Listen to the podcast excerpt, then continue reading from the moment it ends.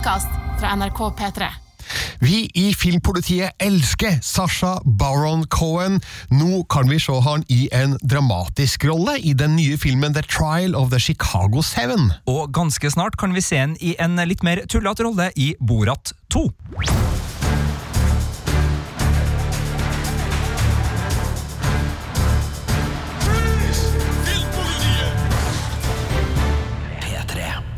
Velkommen til en ny podkast fra oss i Filmpolitiet, som er Birger Vestmo. Marte Hedenstad. Og Sigurd Vik. Og i dag skal det handle om Sasha Baron Cohen, en komiker vi har hatt mye glede av i 20 år, og som stadig overrasker oss med sine veivalg, både som komiker og som eh, dramaskuespiller, hvis vi kan eh, si det, for nå er han aktuell i den nye filmen The Trial of the Chicago Seven. We're going to Chicago to protest the Vietnam War. There's no place to be right now but in it. We watched for a decade while these rebels without a job tell us how to prosecute a war. But they're going to spend their 30s in a federal facility, real time. People say, you know, Abby, are you concerned about an overreaction from the cops? Holy shit. You all right? I was until I saw that. The Trial of the Chicago Seven kommer på Netflix 16. oktober, men den vises først på norske kinoer fra og med denne fredagen, og det er vel fordi her luktes det Oscar, tror du ikke det, Sigurd? Eh, jeg tror det her er en eh, greie Netflix gjør for å tilfredsstille de mange lag. Altså, De har gjort det med Oscar-nominerte filmer som Roma og The Irishman før. altså De slippes litt på kino, får et lite vindu der, og så får den store befolkninga tilgang via strømmetjenesten. Jeg tror det har litt med Oscar å gjøre. Og så tror jeg det har litt med at det er et kinopublikum som fremdeles syns at film er best på kino. Og så tror jeg regissørene liker det, tror du ikke det, Birger? Jeg er helt sikker på at regissør Aaron Sorkin mer enn gjerne lar seg nominere til både én og to og tre Oscar-priser for The Trial of the Chicago Seven. Men eh, Marte, hvis jeg sier til deg at eh, Sasha Baron Cohen står i fare for å bli Oscar-nominert, eh, hvordan ville du ha reagert på det? Nei, eh, jeg tenker at det er bare greit, fordi jeg syns jo han er en interessant skuespiller som dramaskuespiller. Jeg liker han jo egentlig best når han faktisk spiller i, i sånne typer roller, fordi eh, jeg syns jo Borat eh, og alt det andre morsomme han driver på med, er gøy, eh, men noen ganger så tenker jeg at eh, Sasha Baron Cohen kan også bli litt slitsom i de der mest outrerte rollene sine, Eh, så jeg syns jo han er veldig fin eh, når han eh, spiller i dramaroller. Og jeg vet at han er en veldig, veldig god skuespiller, så om han er god nok i The Trial of the Chicago Seven til en Oscar-nominasjon, så tenker jeg at det er bare kjempespennende. Interessant det du sier om at du liker han i dramatiske roller, fordi han har jo det til felles med en lang rekke komikere, at eh, de går hen og gjør suksess med dramatiske roller som Steve Carell og Jim Carrey. Bob Odenkirk. Adam Sandler, ikke minst. Så det er jo ikke rart at Sasha Baron Cohen prøver seg, og nå gjør han det i The Trial of the Chicago Seven i rollen som Abby Hoffman, en kjent eh, sosialaktivist på 1960- og 70-tallet, som da er en sentral personlighet i The Trial of the Chicago Seven. Eh, Filmen er basert på um, virkelige hendelser. Det var da Det demokratiske partiets landsmøte i Chicago i 1968 som er um, startpunktet for det hele. Flere tusen demonstranter dro dit for å protestere mot eh, Vietnamkrigen.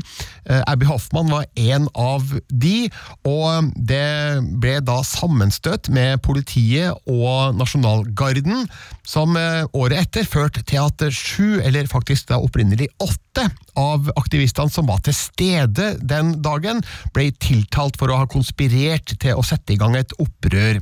Abby Hoffman er jo denne gjengens, eh, skal vi si, klovnefigur, i hvert fall den mest synlige og markante, og det er nok en personlighet som passer Sasha Baron Cohen veldig godt, fordi eh, han gjør relativt mye ut av seg. Han er morsom, gjør mange sprell, han har teket på media og um, har alltid et eller annet på gang for å skape blest og oppmerksomhet rundt saken. Men som vi da ser i filmen, så ligger det et alvor i bunnen her. Abby Hoffmann gjør ikke det her klovneriet for bare moro skyld. Han har et uh, seriøst mål med sine handlinger og gjerninger, og det syns jeg Sasha Baron Cohen får formidla veldig godt i uh, sin tolkning av Abby Hoffmann. Og han imponerer meg i The Trial of the Chicago Seven, for det er jo en eh, fin linje mellom eh, humor og alvor her, og eh, man skal være flink for å tråkke riktig i det minefeltet, men det syns jeg Sasha Baron Cohen gjør veldig godt i The Trial of the Chicago Seven. og hvis det blir Oscar-nominasjoner på filmen, så vil jeg, vil jeg, jo tro at Aaron Sorkin vil hanke inn kanskje beste manus og beste regi. Blant skuespillerne så er det en lang rekke kjente navn. Altså, vi har Jeremy Strong, som spiller jo hovedrollen i Eller en av hovedrollene i serien Succession. Spiller Jerry Rubin, som er Abby Hoffmanns partner da, i Youth International Party, den grupperinga som kaller seg Yippie og så har vi Eddie Redmayne i rollen som antikrigsaktivisten Tom Hayden. Og så spiller Yaya Abdul-Mateen den andre Black Panther-lederen Bobby Seale. Vi finner Mark Rylance i rollen som deres advokat William Kunstler. Richard Schultz er da aktoren, spilt av Joseph Gordon-Levitt, mens Frank Langella, kanskje best kjent fra The Americans og Kidding, spiller da den veldig konservative dommeren Julius Hoffmann, som ikke er i slekt med Abby Hoffmann, og som det gjøres et veldig morsomt poeng ut av da i løpet av denne filmen. Men blant alle de her solide navnene, så er det Sasha Baron Cohen som kanskje er mest synlig, og som imponerer meg mest. Så jeg blir ikke overraska hvis han blir nominert til en Oscar, og det er kanskje vanskelig å kalle det her en hovedrolle, i og med at det her er et sånt digert ensemble som er i sving, men en birolle-Oscar kan nok være innenfor rekkevidde da for Sasha Baron Cohen. Så det er mitt inntrykk av han i filmen, som for øvrig er veldig god. Det er jo en rettssalsfilm, det her, og vi elsker jo rettssalsfilmer, gjør vi ikke det, Marte og Sigurd? Jo, jeg syns det er ofte veldig veldig spennende, spesielt når det er, uh, har rot i virkeligheten. Uh, for det blir jo sånne filmer hvor jeg på en måte får lyst til å dra opp Wikipedia og, og finne ut av uh, og lære mer om det det handler om. Fordi jeg har hørt om denne saken her før, men jeg kjenner egentlig ikke til den så veldig godt. Og så jeg gleder meg til å se det her og på en måte ja, kjenne på den der spenningen i, i, i rettssalen. Mm. Jeg har også hørt om saken før, men jeg har ikke satt meg veldig godt inn i den etter at jeg har sett filmen, fordi nå, nå, føler jeg at filmen har fortalt meg at jeg trenger å vite. Da.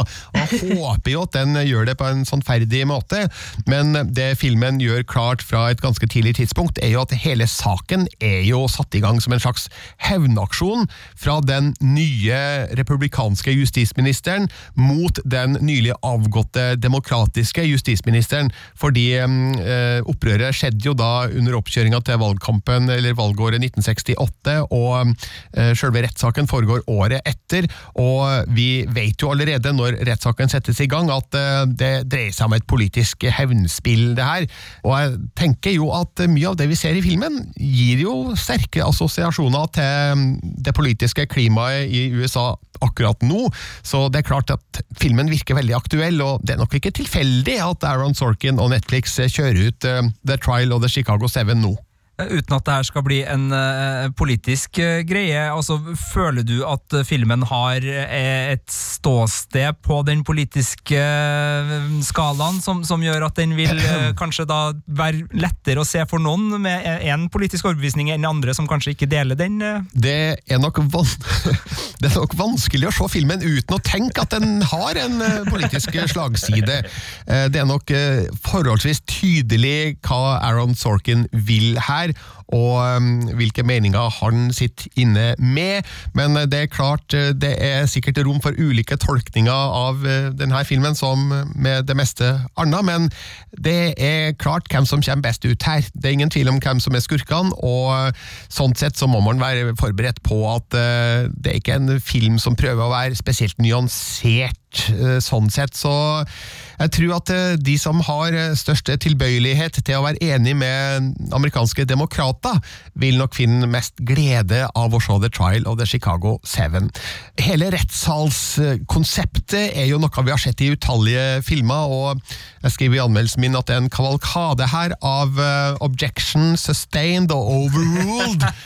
vi må jo, men jeg tenker at det må man jo ha med da i en rettssalsfilm, hvis ikke så hadde det jo ikke vært en rettssalsfilm. Nei, altså, en westernfilm skal ha uh, gjørmete gater og dueller, og en rettssalsfilm uh, skal ha disse. Og jeg er jo veldig glad i en forfatter som heter Michael Connolly, som har skrevet både uh, bøkene om Harry Bosch, altså detektiven Harry Bosch, og hans halvbror, uh, som da er advokat, og som blant annet er filmatisert gjennom The Lincoln Lawyer, hvor Matthew McConaughey spiller denne advokaten. Og gjennom de her bøkene som jeg har kosa meg med nå i, i sommer, altså jeg blir så begeistra over hvor mange måter man kan få Objection, your honor! Uh, og, allikevel likevel syns at det er spennende, fordi det, det trigger jo altså det, det, er jo en narrativ motor i den rettsprosessen, hvor det kommer finter, hvor det kommer overraskelser. Vi ser det jo liksom når vi følger liksom rettsdrama gjennom pressen òg. Sånn, I dag var det dem som vant, og så neste dag i dag var det dem som vant. altså den der Fram og tilbake, det der tautrekkinga i, i rettssalen. Jeg syns ja. det er kjempefascinerende. Mm. Så det er liksom bare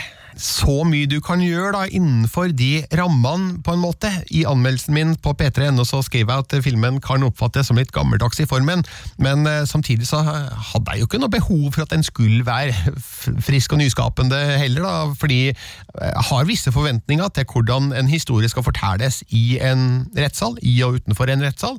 Og det, det, får man jo også i The Trial of the Chicago Seven. Men den er altså da så velskrevet, eh, solid regissert, og ikke minst eh, det er veldig gode skuespillerprestasjoner involvert her. Derfor så er filmen en knakende god eh, opplevelse, og det ble en, eh, en soleklar femmer på terningen fra meg til The Trial of the Chicago Seven.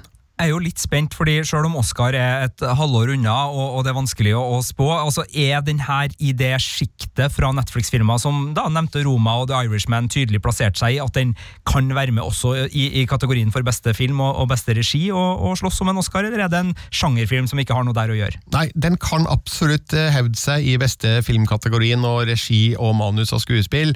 Det gjør den nok eh, sikkert også, men eh, om den går helt til topps i noen av de kategoriene, det gjenstår å se. Jeg blir litt overraska hvis den går hen og vinner årets beste film, men eh, så er vi jo inne i et litt spesielt år, da, der flere storfilmer blir utsatt og kanskje ikke kommer på kino i tide til å bli med i beregninga for neste års eh, Oscar-utdeling. Og så er det jo en sånn type film som du vet gjerne er et gyllent kompromiss, som alle kan enes om er bra. Så vi skal jo ikke se helt bort fra den heller, da, men jeg tenker jo samtidig at det, det må jo være noen filmer som skiller seg litt mer ut da, enn The Trial of the Chicago Seven, som uh, muligens ligger bedre an når den nærmer seg fristen da, for å komme med i Oscar-beregninga. Men det er en veldig god film, og den anbefales å se for alle. og Den har altså da premiere på kino i Norge den 2. oktober, som er da i morgen når vi spiller inn det her. Den vises på Frogner eh, kino og Vega Scene i Oslo, Cinemateket i Trondheim, Fredrikstad kino, Verdensteatret i Tromsø, Brygga kino i Tønsberg. Herøy kino og Meieriet kino i Leknes. Eh, der vises filmen fra og med fredag 2. oktober. Også på søndag 4. oktober så kommer den på Cinemateket i Oslo. og Senere skal den nå vises på Geilo kino, Sølvberget cinematek i Stavanger, Nordkapp kino og Skjold kino.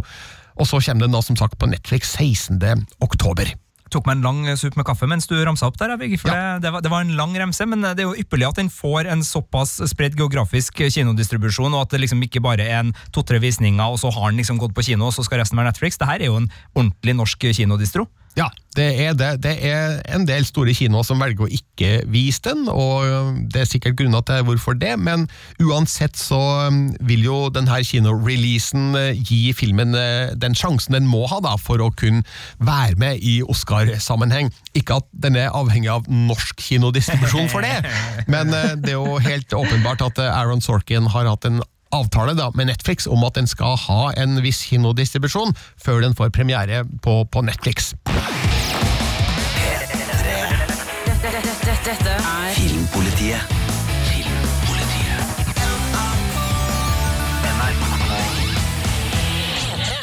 Så må vi tilbake da til Sasha Baron Cohen, som vi innleda det hele med i vår podkast. For det er jo da en skuespiller vi har et langt og godt forhold til, som har mora oss gjennom mange, mange år i ulike sammenhenger og forskjellige roller. Og um, nå er det snart klart for uh, et comeback for en av hans aller mest kjente figurer, Sigurd? Ja, det kom nyhet denne uka om at ikke bare er Sasha Baron Cohen aktuell i Netflix sin storfilm The Trial of the Chicago Seven, han skal også spille, og uh, den er allerede spilt inn, og den skal straks slippes. Borat 2. Og la oss nå koste på oss hele tittelen her, da. Borat Gift of Pornographic Monkey to Vice Premier Michael Pence to make benefit recently diminished nation of Kasakhstan. Det var tittelen på Borat 2. Den kommer 23. oktober, eh, så om ikke så lenge. Og det er Amazon Studios og Amazon Prime Video da, som strømmetjeneste, som i hvert fall ifølge alle opplysningene jeg har fått så langt, kommer til å vise den også her i Norge. Det står eh, global premiere. Vi er en del av det- det globale marked, så det virker som vi da får Borat 2 rett i fleisen eh, den 23. oktober. Er det greit at vi bare kaller den Borat 2 heretter? Ikke Gift of Pornographic Monkey to Vice Premier Michael Pence to make benefit recently diminished nation of Kasakhstan? Nei, nemlig. Men du, Ja. er det ikke Mikhail Pence? Eh, takk eh, for øh, opprettelse. Og altså, Jeg er stressa for å si Sasha Baron Cohen riktig, Ja. og nå er jeg enda mer stressa for å prøve å si det her en gang til. Så det var siste gangen du hørte hele tittelen. Borat 2, det er riktig. Men er det bare jeg som syns det er rart at uh, Sasha Baron Cohen har greid å spille inn hele Borat 2 uten at noen har visst om det eller meldt det i media? Han går jo undercover, da. Det er jo det han gjør best. Eh, kler seg ut og later som han er andre personer enn han egentlig er. Og sånn som jeg har skjønt det, så er det jo sånn at uh, han skal nå spille Borat som går undercover. Så Borat skal da kle seg ut som andre for å gå undercover, så han kan da ta temperaturen på den amerikanske politikken. Altså, han har jo gjort dette her flere ganger før. Han gjorde det jo med Borat i utgangspunktet, og så gjorde han det jo òg med den serien eh, Who is America som kom for et par år sia. Sånn at det her er han jo vant til å gjøre. Han er vant til å, å handle i det hemmelige.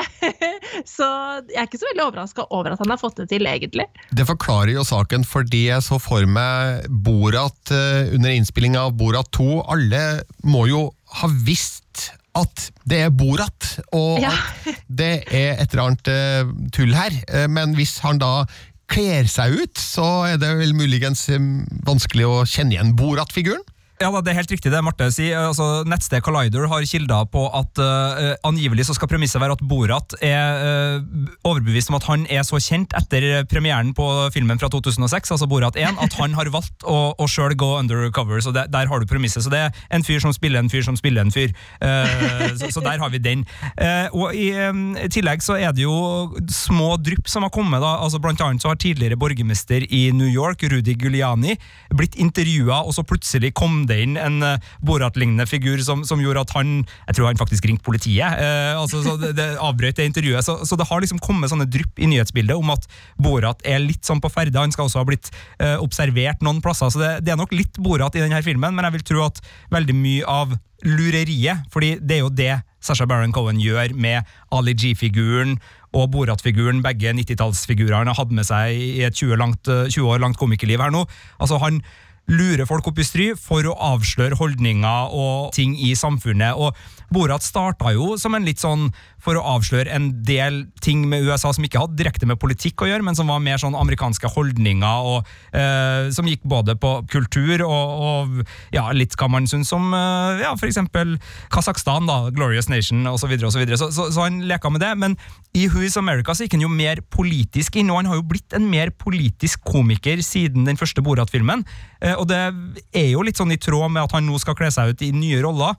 At, at vi kanskje får se en mer politisk Borat, og det at filmen også slippes rett før valget, tyder jo på at her er det litt mer eh, samfunnsengasjement kanskje som, som ligger til grunn. og Jeg er jo veldig spent på, på en del av kostymene, for jeg må ærlig innrømme, og der tror jeg Marte er enig med meg, den Who is America-serien var ujevn, og en del av de figurene som han klarte å mane fram der, var litt sånn Ja, jeg vet ikke helt, jeg. Og, og dem han lurte òg. Det var ikke liksom alle gangene jeg var med og heia på Sasha Baron Cohen, rett og slett. Fordi var, han plukka litt lavthengende frukt, for å si det pent. Altså, han, han hang ut litt folk eh, Altså det, er, jo en tvilsom metode han holder på med i utgangspunktet, og hvis du ikke sparker oppover og treffer godt, så framstår du ganske kjip. Og jeg syns innimellom at Sasha Baron Cohen akkurat i den serien der var litt kjip. Jeg syns han var kjempegod når han for på bydelsmøter og, og ga seg ut for å være eh, en eller annen fyr som ville bygge en moské i den amerikanske småbyen. eh, I fullt alvor på bydelsmøtet og fikk reaksjoner. Der syns jeg han var god. Og så syns jeg han var mindre god da han liksom helt åpenlyst prøvde å lure lokalpolitikere ut på gjørma med metoder som var litt sånn her anstrengt. sånn at Du liksom, du merka at det her er ikke nødvendigvis eh, folk som har forferdelige holdninger sånn i utgangspunktet, men de blir liksom lokka, lokka, lokka, lokka utpå det. Og kanskje det kommer en liten gacha på slutten, men den er i så fall så liten at det nesten er, ikke er verdt det. da. Så, så jeg er spent på om han liksom har skikkelig skyts denne gangen, men det at uh, Pence er nevnt i tittelen, uh, kan jo tyde på at han har sikta høyt, da. Ja, helt enig med deg, Sigurd. Jeg, jeg håper at han uh, gjør det denne gangen. Uh, og så uh, handler det litt med når denne her filmen antageligvis er spilt inn også, som gjør at jeg syns det er interessant. Altså, hvis han skal ta inn over seg og sette søkelys på hvordan de amerikanske politikerne har takla koronakrisen, f.eks., uh, så, så er jo det her ganske så interessant. Og det kan jo bli ganske hardtslående. Men jeg håper at han klarer den derre balansegangen mellom å sparke riktig vei, eh, være morsom, eh, ha liksom den riktige satiriske brodden uten å bli for flåsete, som jeg syns han noen ganger kan bli òg. Og i den der Who is America-serien så syns jeg òg det var litt rart noen ganger at folk ikke klarte å avsløre den. Eh, fordi jeg syns mange av de rollefigurene han spilte, så veldig dårlig ut. Altså sånn at kostymet så åpenbart falskt ut. Det var en israelsk etterretningsoffiser han spilte i den serien som hadde et kjeveparti som ville ha fått eh, Arnold Schwarzenegger til å, å rødme av skam over uh, veik hake.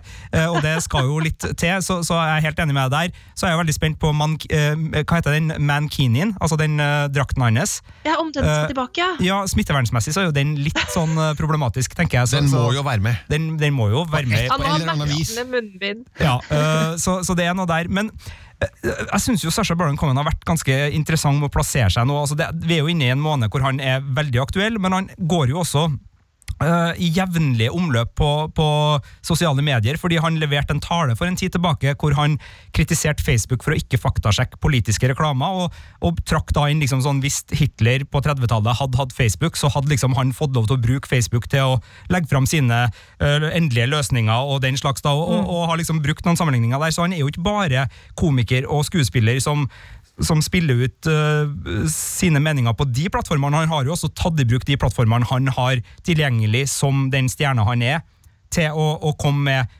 personlige betraktninger og personlige politiske budskap. Så han, han er jo en mann nå som beveger seg litt ut av bare å være den flåsete komikeren som det er litt vanskelig å vite hva egentlig mener, selv om man kan selvfølgelig lese mellom linjene, til å bli en mer tydelig stemme. Ja, det syns jeg er bra. At eh, han eh, er en samfunnsbevisst person som bruker sin posisjon til å gi uttrykk for sine meninger. Det gir jo også humoren hans litt mer vekt, føler jeg da. At sjøl om han er i det flåsete ekstremhumorhjørnet, så vet vi at det, det ligger noe eh, vektig bak eh, dumhetene hans. Og det er jo bare en fordel for Sasha Baron Cohen, det at han kan komme unna med enda verre ting, og fremdeles bli oppfatta som en, eh, en seriøs person som har noe å, å fare med, da. Ja, og, og det er interessant, for han har jo også blitt kritisert uh, gjennom spesielt da Ali G og Borat. Altså, det var ikke noe tvil om at eh, eh, det kom reaksjoner på stereotypiene han også velger å bruke i sin komikk. For en ting er jo at han ønsker å rive ned noen stereotypier og, og avsløre no, noen holdninger, men han har jo fått kritikk blant annet eh, av sin portrettering av Kasakhstan, selvfølgelig. Eh, Det ligger litt i sakens natur. Eh, Han har også fått eh, kritikk for måten han har liksom eh, betalt folk, eller ikke han personlig, da, men altså produksjonen bak Borat betalt folk for å eh, gjør liksom landsbyen han opprinnelig kom fra, veldig sånn stereotypi. Altså, eh, altså, de putta dyr inn der og gjorde det til å være liksom en sånn veldig eh, traust og gamlemodig, og det er jo ikke nødvendigvis med å Uh, bryte ned holdninger, uh, det å bygge opp sånne stereotypier. Så han har jo fått en del kritikk, uh, og Ali G også har fått en del kritikk for at selv om han på en måte ønska å, å stille en del kulturelle fenomen til skue, så, så er han med å bygge opp under stereotypier gjennom den jobben. Jeg har aldri vært plaga av det, må jeg innrømme, Nei, nei, nei, men, men altså, han, han har hatt den kritikken mot seg, og jeg tenker jo Borat i 2020 er et risikoopplegg, tenker jeg. For én ting er jo at vi flirte av Borat i 2006. Det er et ganske annet landskap han skal inn i nå i 2020. Et woke landskap, og det å liksom vise fram bilder av nakne damer og si 'Yes, it's my sister', er ikke sikkert at det er like artig. Uh, humor i 2020. Det er, nettopp derfor, det er nettopp derfor vi trenger Borat more than ever, for å bryte det helsikes woke-helvete vi er inne i nå. Unnskyld uttrykket. Marte, hva tenker du om det? Oi, eh, jeg tror Jeg er litt usikker, ass. Eh, jeg hadde sikkert hylflira hvis han plutselig hadde dratt frem eh, eh, det der bildet av søstera si igjen og sagt eh, det du sa, Sigurd. Men eh, jeg tror ikke at han kommer til å spille på de samme strengene denne gangen. Jeg håper heller egentlig ikke det. Jeg håper at han på en måte sikter litt eh, høyere. Fordi den type humor Én ting er jo hva man kan mene om hva som er lov og ikke lov, og krenkefest og alt mulig. Det gidder jeg ikke legge meg borti. Men eh, om det er like morsomt lenger, eh, er jo noe av det jeg tenker på. da, at det er sånn er den humoren som Borat var i 2006 like morsom i dag? Det tror jeg ikke. Eh, Så derfor håper jeg jo, og tror, at Sasha Sacha Baron Cohen kommer til å drive med litt annen satire denne gangen. Altså selv om han skal spille denne Borat-figuren, så, så håper jeg at det er mer eh, Kanskje amerikanske politikere som får gjennomgå, da, og ikke Kasakhstan eller uh, dumme, vanlige men- afrikanere. Jeg mener jo at Kasakhstan var jo aldri hans mål for eh, humoren i, i Borat. Han harselerte jo med våre fordommer og stereotypier. Absolutt, og ikke, absolutt. Så det handla ikke om selve Kasakhstan, det kunne vært hvor som Neida. helst i stedet. Men det er jo en sånn hårfin linje da, om, han, om eh, publikummet eh, som han eh, jo lager film for, skjønner at han tuller med våre holdninger. Og det er, jo, det er jo masse god satire som, som herjer med det der, og som ofte kan bli misforstått. Men man må som kunstner kanskje få lov til å eh, prøve seg på, på ulike ting. Eh, men jeg tror ikke at ja, jeg tror kanskje ikke han kommer til å spille så like mye på stereotypier på den måten som han gjorde i 2006. Jeg tror kanskje at han vil gjøre det på en litt annen måte. Håper jeg, da. Men jeg håper eh, at eh, han med Borat to 2 prøver å angripe den, eh, ja, skal vi kalle det politiske ekstremkorrektheten som eh, råder akkurat eh, nå, og som bygger barrierer foran eh, hva man kan harselere med og ikke, og at eh, han tør tråkke over noen grenser der. Det, det føler jeg at vi trenger eh, nå, men Og det Eh, tror jeg nok han kommer til å gjøre også, ja. tråkke over noen grenser. Helt klart, så det blir veldig spennende. Ja, men, men, men han må ikke nødvendigvis gjøre det på samme måte som i den første Borat-filmen. Jeg regner med at Sasha Baron Cohen har sikkert gjort seg noen tanker rundt det, og kan presentere noe som fungerer i 2020, men som forhåpentligvis røsker litt i oss og um, sjokkerer oss med noen eh, friske innfallsvinkler, for å si det sånn. Jeg er helt enig, og så er det jo verdt å merke seg at uh, selv om uh, man får liksom veldig mye av komikeren Sasha Baron Cohen uh, i, i monitor nå, så, så har han også noen perler for dem som liker den dramatiske skuespilleren. Så jeg vil bare minne folk om at den israelske miniserien The Spy kom i fjor og ligger, altså den er ett år gammel nå, den ligger på Netflix eh, og er et historisk drama hvor Sasha Baron Cohen spiller hovedrollen. Helt sånn sobert og ordentlig, og, og kanskje enda mindre humor eh, enn han gjør i The Trial of the Chicago 7 òg, vil jeg tro, for den, den her var veldig nedpå.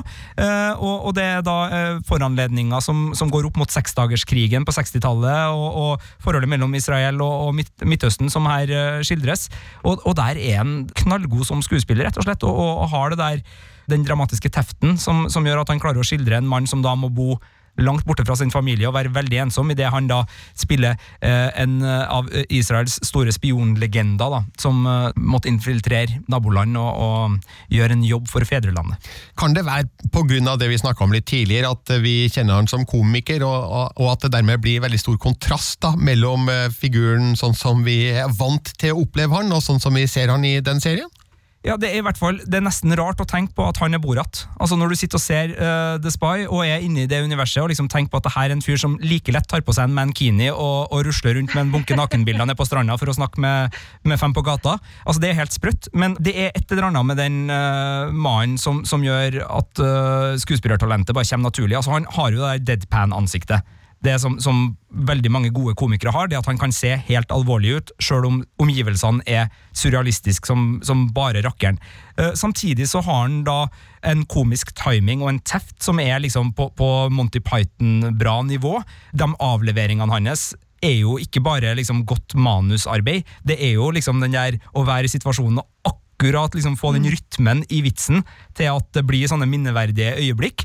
Eh, og så har han tydeligvis et, et, eh, hjerte med seg som gjør at han makter å, å høste av en sårhet og, og en, en, kjerne av sannhet da, i, i, disse rollefigurene sine, som, som gjør at de bli noe mer enn bare pappfigurer som, som er på skjermen. De, de uh, treffer oss på, på, en måte. Så, så Et fantastisk eh, skuespillertalent. Ja, jeg liker Sasha Baron Cohen veldig godt i to andre filmer vi ikke har nevnt. nemlig Han spiller jo da Pirelli i Sweeney Todd, demonbarbereren fra Fleet Street.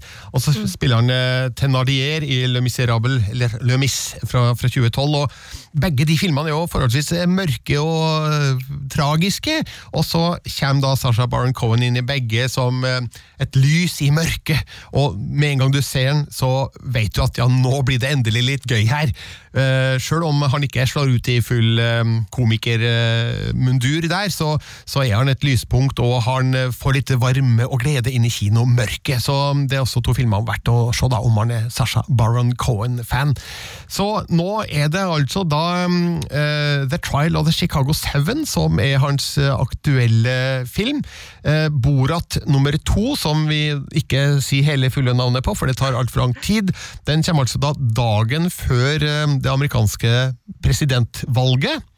Og så er det da eh, sånn at han har annonsert et nytt prosjekt, Mandrake the Magician, som er da basert på den gamle mm, tegneserien Mandrake. Vet ikke om noen av dere husker det her, Marte og Sigurd, men Mandrake var en gjenganger i norske aviser i mm, eh, sånn stripeformat, eh, i hvert fall i min barndom. Kaller ikke du han også Mandrake, sånn som meg? Nei, jeg har alltid kalt han Mandrake. Og. Ja. Skapt av Lee Falk, og det er faktisk da selveste Ethan Cohen som skal Ikke altså en av Cohen-brødrene, for de heter jo noe annet, men Ethan Cohen, eh, som har samme etternavn som Sasha Baron Cohen. Men jeg tror ikke at de er i slekt, altså. Men han er jo israelsk og er kjent for uh, Holmes and Watson og Men in Black 3 og Madagaskar 2 som manusforfatter. Og så eh, har han også jobba på Get Hard, og en mann som i hvert fall kan humor, og det vet vi også Sasha Baron Cohen kan, så kanskje er det en humorversjon av Mandrake the Magician vi får se på kino etter hvert, hvis, hvis denne filmen faktisk da blir realisert. Den stripa kjenner jeg ikke til i det hele tatt. Jeg kan dere bare for oss eh, som er så unge at de ikke har fått med seg denne mandrakestripen, eh, kan dere innvie oss i, i, hva det handler om? Problem. Det er mandrake som da er en magiker, og så har han en eh, sidekick som heter Lotar, hvis jeg husker riktig, Birger? Ja, en, eh, en muskuløs type. En ja, afroamerikansk tjener. Jeg vet ikke om uh, det kanskje blir forandra litt uh, ja. i det woke æraen vi er inne i. Jeg tror både Fantomet og Mandrake har noen eller Mandrake da, har noen uh, omskrivninger foran seg for å, å være relativt 2020-vennlig. Ja. Men, men, det var i hvert fall litt sånn crime fighting. crime fighting magician, vil jeg oppsummere Mandrake som. Ja, Lee Folk, som skapte Mandrake, han eh, er jo også skaperen av Fantomet, så vi er i det sjiktet, da. Så vi har ikke sett det siste av uh, Sasha Baron Cohen, og, og, takk for det, men nå er det altså The Trial of the Chicago Seven du kan se på kino, også på Netflix da 16. oktober. Kan jeg komme med ett tips til, Birger? Vær så god. Uh, Talageda Nights, The Ballad of Ricky Bobby, regissert av Adam Mackay, med Will Ferrell og Sasha Baron Cohen i racerbilrolla. Se den, folkens. Det er en fantastisk, fantastisk uh, bilfilm. Marte, har du et uh, siste Sasha Baron Cohen-tips? Det er jo den Who is America da, som var litt sånn eh, så som så. Jeg likte noen av episodene, falt litt av etter hvert. Sigurd har snakka om The Spy. Du kunne ha nevnt ja, Bruno. Nei, men den syns ikke jeg var så morsom, så den har jeg ikke lyst til å anbefale. Jeg syns ikke det var så funny. Jeg ga Bruno terningkast eh, fire, og ja. skriver da i anmeldelsen min at eh, han trår over streiken mange ganger med sin figur, og innimellom føler jeg meg flau på ofrenes vegne. Og eh, det er vel noe av det jeg har litt trøbbel med da når det gjelder Coens eh, tullefilmer, altså Borat og Bruno the Dictator. Jeg, jeg føler smerte på vegne av de som blir lurt foran kamera. Det er et eller annet der som jeg ikke er helt komfortabel med. Ja, Vi kan jo si at han gjør jo en strålende jobb som Julian eh, stemmeskuespiller da, i Madagaskar-filmene. Så Det- kan du ta en titt på de, kanskje. Det gjør han. Takk for det tipset, Marte. Med det så sier vi oss ferdig med vår hyllest til Sasha Baron Cohen. Vi kan nås på Twitter og Instagram, eller på e-post filmpolitiet at nrk.no. Vi har også alle våre anmeldelser på p3.no skråstrek filmpolitiet, og vi som har vært i studio er Birger Vestmo. Marte Hedenstad. Og Sigurd Vik. Du har hørt en podkast fra NRK P3. Hør flere podkaster i appen NRK Radio.